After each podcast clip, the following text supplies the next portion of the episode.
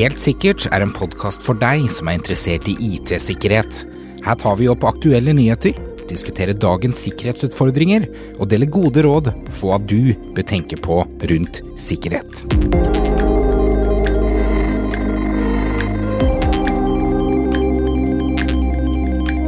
Denne uka så er det Hackon i Oslo. For eh, dere som ikke kjenner til hva det er, så er det en rimelig stor sikkerhetskonferanse. De kunne vært større, men eh, de holder til på Høyres hus. Vi er selvsagt på Hackon, så i dag tenkte vi å snakke litt om uh, Train as you fight. For det går jo litt på, på sånn type sikkerhetskonferanser og hvordan man skal jobbe med sikkerhet i et uh, IT-driftsmiljø, f.eks. Mitt navn er Stian. Min navn er Alexander. Og velkommen til Helt sikkert. Ja, Train as you fight. Det, det, er jo noe som vi jobber mye med i saken vår, blant annet. Ja. Ja, hva, hva mener Alex? Jo, altså, fight, det er jo noe som i sikkerhetsmiljøet så er det jo mye ting som kommer nytt hele tiden. Så ja. må jeg passe på å være opplært på de nye tinga, alle de nye sårbarhetene, teste det ut, finne ut er, er miljøet mitt sikkert, er det ikke sikkert, mm -hmm. um, og hvordan du skal teste det, da. Um, for du vet jo aldri om når du patcher alle maskinene, er, er ting fortsatt patcha igjen? Vi ser jo at eh, selv om Microsoft kommer med nye patcher på ting, for at uh, bare litt endring av sårbarheten eller det man trodde man skulle komme inn med, så kommer man fortsatt inn. Og det, det, det er litt sånn spesielt, fordi selve Trainers to Fight Nå kommer jeg fra forsvarsverden, og det her hadde vi litt samme prinsippet. Um, jeg var jo om bord på fregatt uh, i oi, tre år. Ja, det var tre år. så, og, og, der hadde vi prinsippet Trainers to Fight. Fordi hva skjer i et havari? For det første så får alle panikk. Ja. For ingen vet hvor de skal, sant? og ingen vet hva de skal gjøre. Så når øvelsene våre gikk på havariøvelser, så gjorde vi øvelsene på samme måte som om det faktisk var en ekte hendelse. Fordi at i vårt hode så skulle ikke vi tenke at dette her var en øvelse. Vi skulle tenke at det var faktisk et havari. En hendelse. Så, en hendelse. Så du trener inn det å få gjort den eh, tingen du trenger å gjøre når det er en hendelse, så du får det litt inn i blodet og litt inn i hodet. Nettopp. Det skal gå på reaksjonsevnen. sant? Du, du, skal ikke tenke, du skal bare handle. Det er litt som når du faller fremover, så tar de fleste som regel seg for hvis ikke du har drukket litt for mye alkohol. Så går det kanskje på trynet, men, men igjen, du tar, tar imot. Ja. Reaksjon. Og det samme er jo når, når det skjer ting i sikkerhetshendelser at ja, du får kanskje et ransomware eller et eller annet sånt. Hva mhm. er handlingen du skal gjøre? Hva er det riktige du skal agere med? Yes, sant. Så du ikke bare står stille og ikke vet Du bare løfter hendene opp i været og hjelp, liksom. Og det da, Vi ser jo ganske mye i IT-miljøene. Trainers Fight brukes ikke veldig mye som prinsipp. Man får ofte store IT-brudd IT-driftsbrudd, og så vet man ikke hvordan man skal håndtere det. Så man står egentlig litt sånn med hendene i lomma, og så tenker man det går sikkert over, det går sikkert fint, og så prøver man å fikse det. For man har jo ikke trent på situasjonen. Ja, og det er jo litt is i magen når ting skjer, sånn at man vet og er trygg på hva, som, hva du kan få til, og hva du ikke får til, og hva riktige måte å komme fram på, er jo veldig viktig. Og Vi snakka litt om sokken vår. fordi vi er jo da veldig mye det samme i saken. Eh, for at vi skal kunne håndtere hendelsene eh, fra kundene våre på riktig måte, så må jo vi gå inn og faktisk teste at eh, prosedyrene våre fungerer. Og nå tenker jeg ikke på at vi skal ha store rammeverk med massevis av bøker, men faktisk at hva vi skal gjøre når hendelsene kommer inn.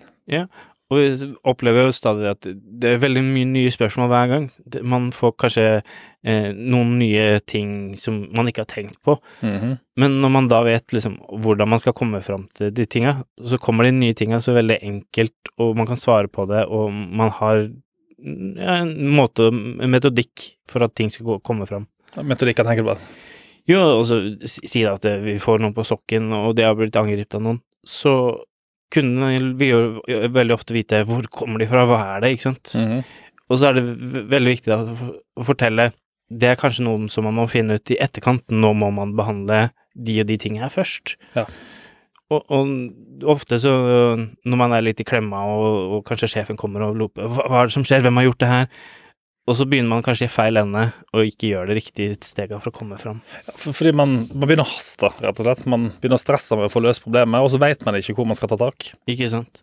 Så ha den rutinen, gode ting, og vite hva, hva som er riktig metode å komme fram, det er veldig viktig når du når det har hendelser. Så jeg har et lite spørsmål til dere som lytter på oss. da. Hvor mange av dere der ute har noen disaster recovery-plan, f.eks., som sier hva som skal skje dersom eh, Nå skal jeg ikke bruke stygge ord, men alt gått ad undas, for å si det sånn. Ja, og det, det gjelder jo både ha- hackerangrep, backup fordi at noen ting gikk i stykker, Mhm. eh, man mista noe data, alle de tingene her som handler om en aksjon når det er en hendelse. Det er jo sånne ting som man må ha en plan på, eller i hvert fall ha øvd eh, og testa et par ganger. Og nå, skal- nå skal Jeg si det sånn, jeg har vært innenfor ganske mye bedrifter, og akkurat en disaster recovery-plan er ofte en sånn ting som ofte også blir skrevet en gang, og så blir det ikke oppdatert de siste fem årene. Og når, man skal, når det skjer noe, så går man for å ringe da, telefonnummeret til IT-partneren sin, og så viser det seg at nei, de er ikke IT-partneren vår lenger. Det har ikke de vært de siste tre årene. Ja, eller man skulle ha tilbake en recovery-ting, og så viser det seg at uh, ingenting av det som man har mista, har blitt tatt backup på, for man har aldri hatt en revisjon eller test. Og vet du hvorfor det skjer? Hvorfor det står feil i disse prosedyrene? Fordi det aldri blir testa. Nettopp, sant. Det blir aldri prøvd ut i virkelighetsverden. Det, det blir aldri tatt seg tid til å simulere hendelsene som skjer. Og det var et ganske interessant foredrag på Hackons var jo om dette her med simulering av hendelser, og hvordan man skal håndtere det. Ja, for det er jo det, det å ha en butikken og kanskje riktige verktøy, vite hvordan de verktøyene man skal bruke, funker. Mhm. Um, mye av det med Tennis Fight det har jo noe på kanskje oppdage ting underveis som ikke du visste, så du kan på en måte en, litt mer en intern eh, altså red blue teaming-ting, men ikke fullt en sånn øvelse, men Red Blue Teaming, hva tenker du på da? Hva kan du forklare hva det? Sånn, du tenker? Ja, altså Nå når vi driver med sikkerhet og, og har SOC-tjenester, så er det ofte vi har litt sånn red og blue teaming. Det vil si at du har et team som prøver å angripe, og så har du et team som prøver å, å beskytte. Ja. Og det teamet som prøver å beskytte, prøver å oppdage og, og se på hva de kan få ut av informasjon når det er et angrep. Og det er jo ofte at man da oppdager at man har kanskje litt mangelhet i logging, man har ikke de riktige tinga, og man vet kanskje ikke hvor man skal finne de tinga. Så gjøre en øvelse sånn at man vet trygt hvor er dataen min, hva er det jeg kan se, hva er det jeg ikke kan se, hva trenger jeg å utbedre for å få se mer. Det er jo sånne ting som ofte er relevant for en, en bedrift som har litt sikkerhetsavdeling eller no, noen personer internt. Ja, for du, du jobber jo en god del med pentesting av bedrifter. Så, men hva er forskjellen da på en pentest og en eh, Red versus Blue-øvelse? Oftest er en pentest noe et firma leier deg inn til og gjør for deg, og så du er på en måte et Red Blue Teaming internt i pentesten. Du, du har ikke den øvelsen med at noen skal oppdage deg eh, så veldig mye. Eh, En pentest går mer på å finne sårbarhetene og, og finne ut om de sårbarhetene man ser, går an å utnytte. Ja, sånn, ja. Så, så det er mer sånn deg mot eh, selskapet dere, dere går mot, mens Red Team og Blue Team er egentlig to team som nesten altså, Det er rett og slett du går mot sikkerhetsteamet kanskje i bedriften, og for å teste de spesifikt. Ja, det, det er mer som en øvelse for å bli trygg på hva man kan se. Mm. En pentest er mer hva er det som er sårbart i bedriften. En Red Blue Teaming er mer øvelse. Sånn som du prater om på fregatter, der du tester når det er en krise. Mm -hmm. med en Red Blue Teaming så har man mulighet til å teste og bli trygg på hva som skjer. Og det er jo eh, det er jo rimelig viktig, for nå jo- jobber både meg og deg på sikkerhetsteam, eh, både internt og ute hos kunder, så vi ser jo litt hva som går. Og det, det blir veldig ofte en litt sånn passivhet på disse teamene. De glemmer kanskje å oppdatere seg, glemmer å teste, får ikke utfordre seg sjøl. Fordi nå, skal jeg bare snakke av egen erfaring. da, og det, er ofte Når man sitter med sånne IDS-systemer, så jobber man mot det ukjente. Ukjente personer som man ikke veit hvordan opererer. Så man må prøve å finne ut hvordan de opererer. Mens i et Red-team så blir det litt mer synlig, fordi de som prøver å angripe, de vil jo da komme og si at 'nå prøvde vi dette, dere oppdaga ikke oss'. Og så blir du bedre. Og så prøver de kanskje på nytt igjen, og så ser de om de blir oppdaga. Ja, og, og da kanskje du forstår litt mer hva som er mulig. Eh, Ofte så er det man tenker at ok, jeg hørte om en sikkerhetshendelse som funka sånn og sånn en gang, og, men så blir det veldig mye nye typer angrep, mye nye typer angrepsvinkler som man ikke har tenkt på. Og da våkner man kanskje litt og finner ut at ja, men da må jeg gjøre noe mer, jeg må få til litt mer eh, logger eller eh, andre rutiner for å oppdage ting. Så Red Teaming kan man egentlig si at det, er en, eh, det består som regel av personer da, som finnes inns, på innsiden av selskapet, som planlegger øvelsen og lærer seg opp. Kanskje noen utenforstående, men som oftest er det personell på innsiden sier det. Ja, ofte så har du Red Team som, er, eh, som vi kanskje blir leid inn som for å angripe, og så har du Blue Teamet som er det teamet som sitter inne i bedriften og, og passer på å overvåke. Og så har man god dialog sammen for å prøve å oppdage og varsle om at nå fikk jeg til det, hva så du, for eksempel? Um, det, det, er litt sånn capture the flag-aktig, og det gjør at liksom de på Red-teamet har gjort en ting, og så mye de som er på Blue-teamet, finner ut Ja, jeg så at du gjorde det, men ikke det, og da kan man endre og gjøre ting. Trainers fight, med andre yes. Men eh, litt går jo også på opplæring. Eh, som sagt, vi nevnte Hackon eh, i introduksjonen vår.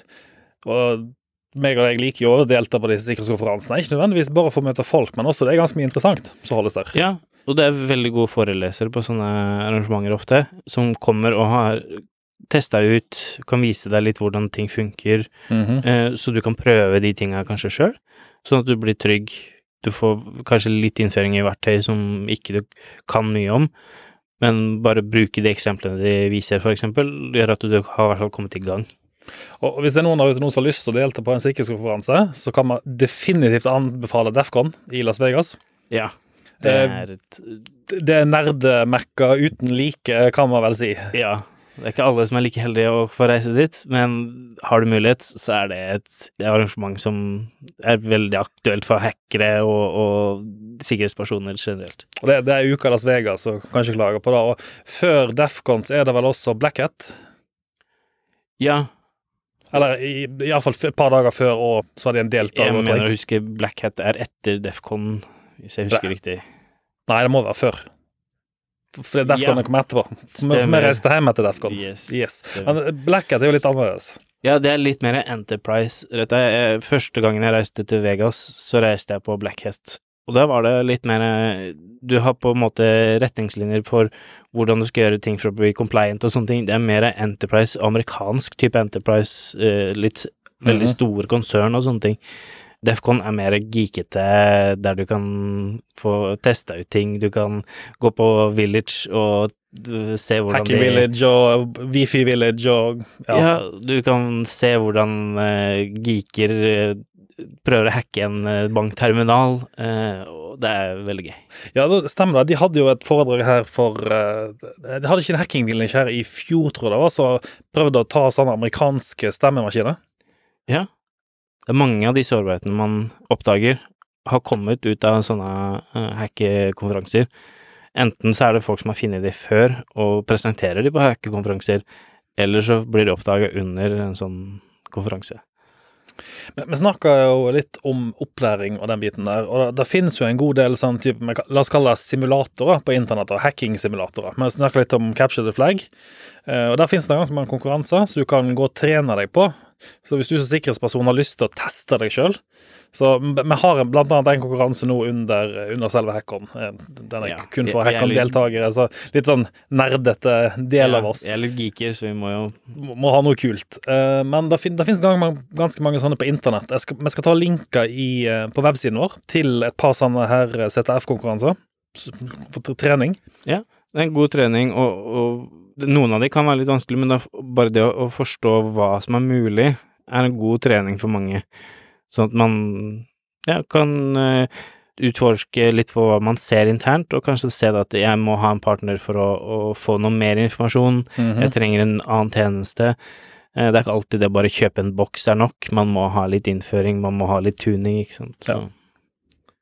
Så skal vi også si at uh, Besides um, Den har ikke vi snakka så mye om. Det, det, er litt mer en sånn spesiell konferanse. Den, den starta i Las Vegas, og historien bak Besides er ganske kul. Fordi de som ikke fikk lov å ha foredraget sitt på Blackhat, for det er ganske mange som ønsker å presentere ting på Blackhat, de samla seg i en konferanse som heter Besides. Som uh, i utgangspunktet er helt gratis å komme inn på og holdes da samtidig som Black i Las Vegas. Den konferansen har nå kommet til Norge.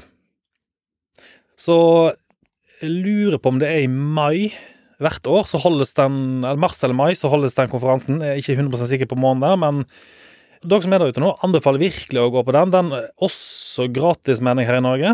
Det er iallfall prinsippet bak at den skal være gratis. Ja. Og det er veldig aktuelt for Jeg tror du de fleste som går der, har litt sikkerhetskompetanse Mhm. og, og kan litt eh, hvordan man skal utforske ting. Og man møter veldig liksinnede mennesker og kan prate geek. Geek er definitivt ordet så på de konferansene der. Og det er, det er også de som er geek, som holder konferansen. Men Trainers of Fight, hvis vi går litt tilbake igjen til det temaet der. Eh, hvis du som sikkerhets nå ansatt i et eh, selskap, la oss si 500 ansatte, er det noe verktøy som du ville ha brukt personlig som du føler kunne hjulpet? Ja, altså jeg, jeg vil jo i hvert fall anbefale at alle som har litt eh, ansvar for litt sikkerhet i en bedrift, ville i hvert fall hatt litt kunnskap i i hvert fall et verktøy som heter Nmap. Det er et veldig fint verktøy for å kartlegge bedriftenes eh, devices. Hvordan funker det egentlig sånn, kort forklart, uten å gå veldig teknisk ned på det? Basic så er det en nettverksskanner. Du skanner nettverket ditt. Du forteller eh, verktøyet hvilket subnett du har på innsiden av firewallen din, så Mhm. ikke alle IP-adresser på internett, men det du har uh, som du eier av egne adresser. Så subnett, det er jo da et, eh, en, en, en avgrensende del av et nettverk. For å si det sånn, for eksempel 10.0001 slash 24 har 256 adresser. Og så kan man da lage enda mindre søvnett eller større søvnett. Ja.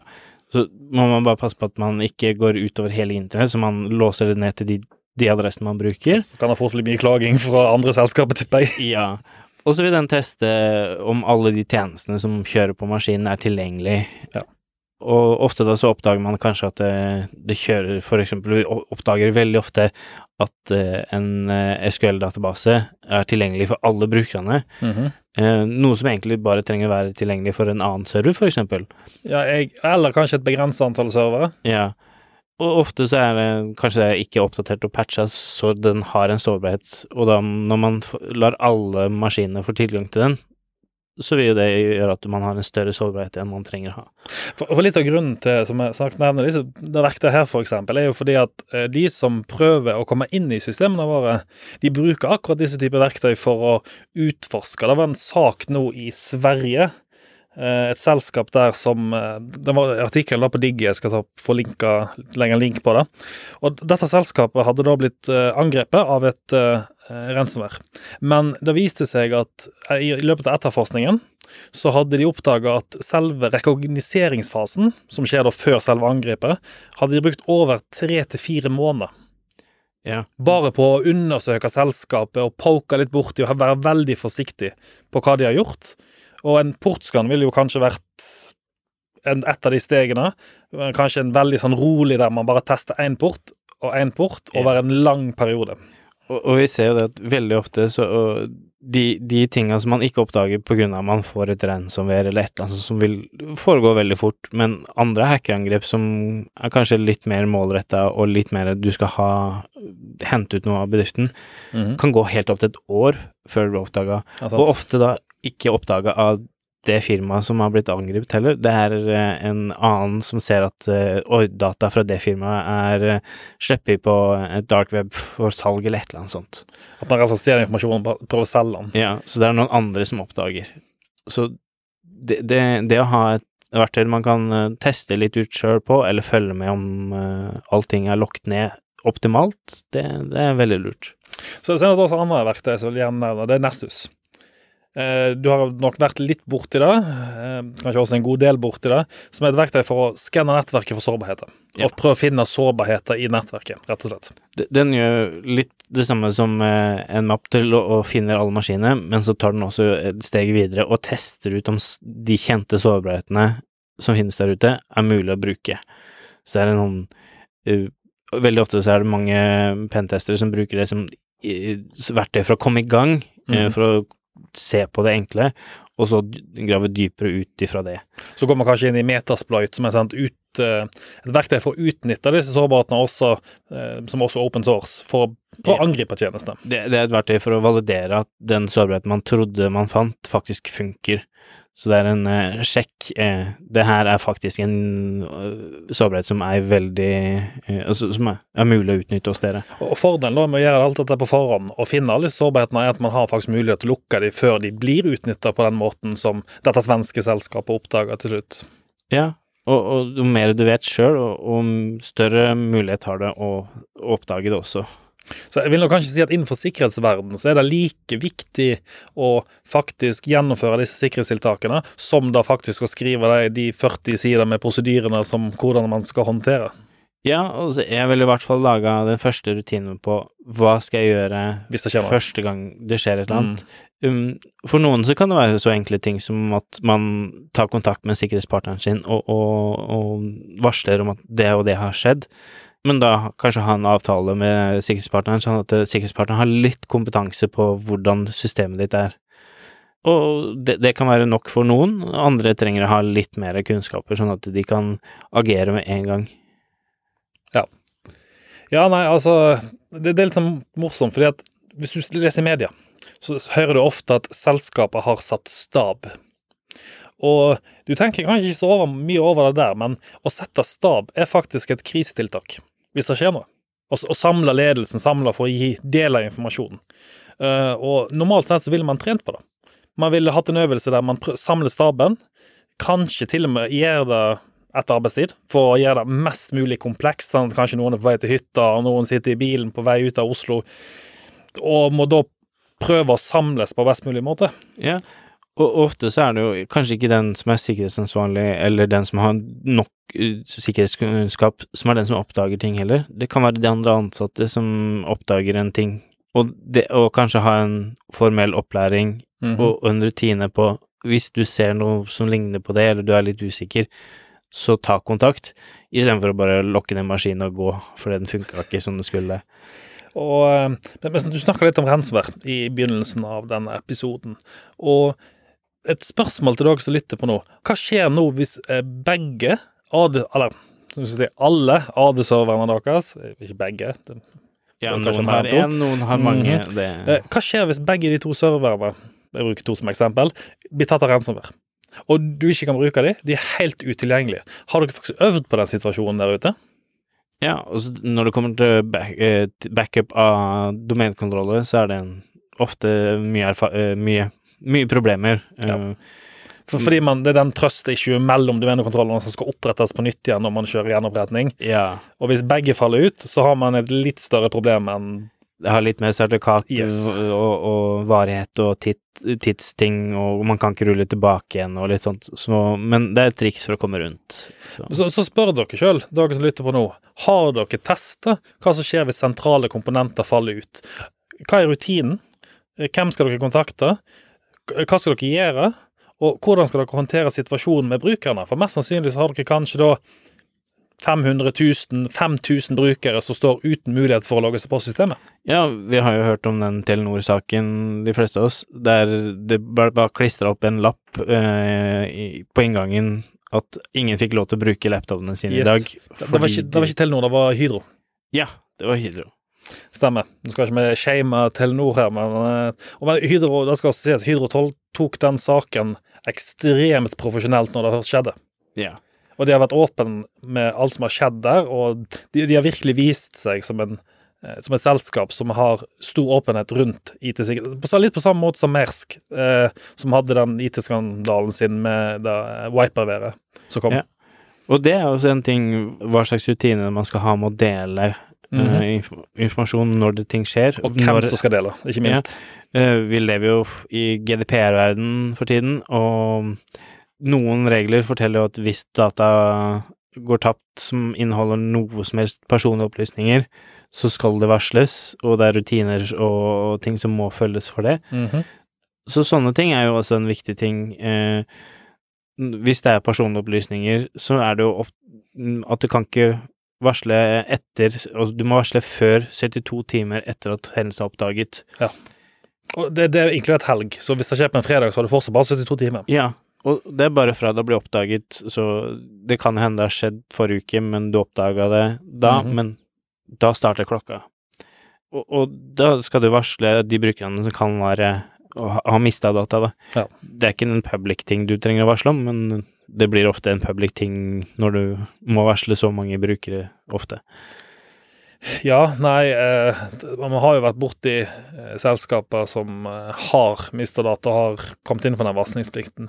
Hvis vi tar litt tilbake til det svenske selskapet, så skal vi sies at det svenske selskapet anslo et tap på 150 millioner kroner eh, på, på det ransomware-angrepet. Fordi det som skjedde, var jo at de ble infisert av ransomware, og dette var da som sagt personer som har brukt månedsvis på for det første å rekognosere dem, og så har de da gått inn og angrepet dem. Og de har gjort det stille, sneket seg inn i systemene, kommet seg inn i de fleste systemene. Og så har de kjørt ransomware på slutten etter at de har stjålet informasjonen.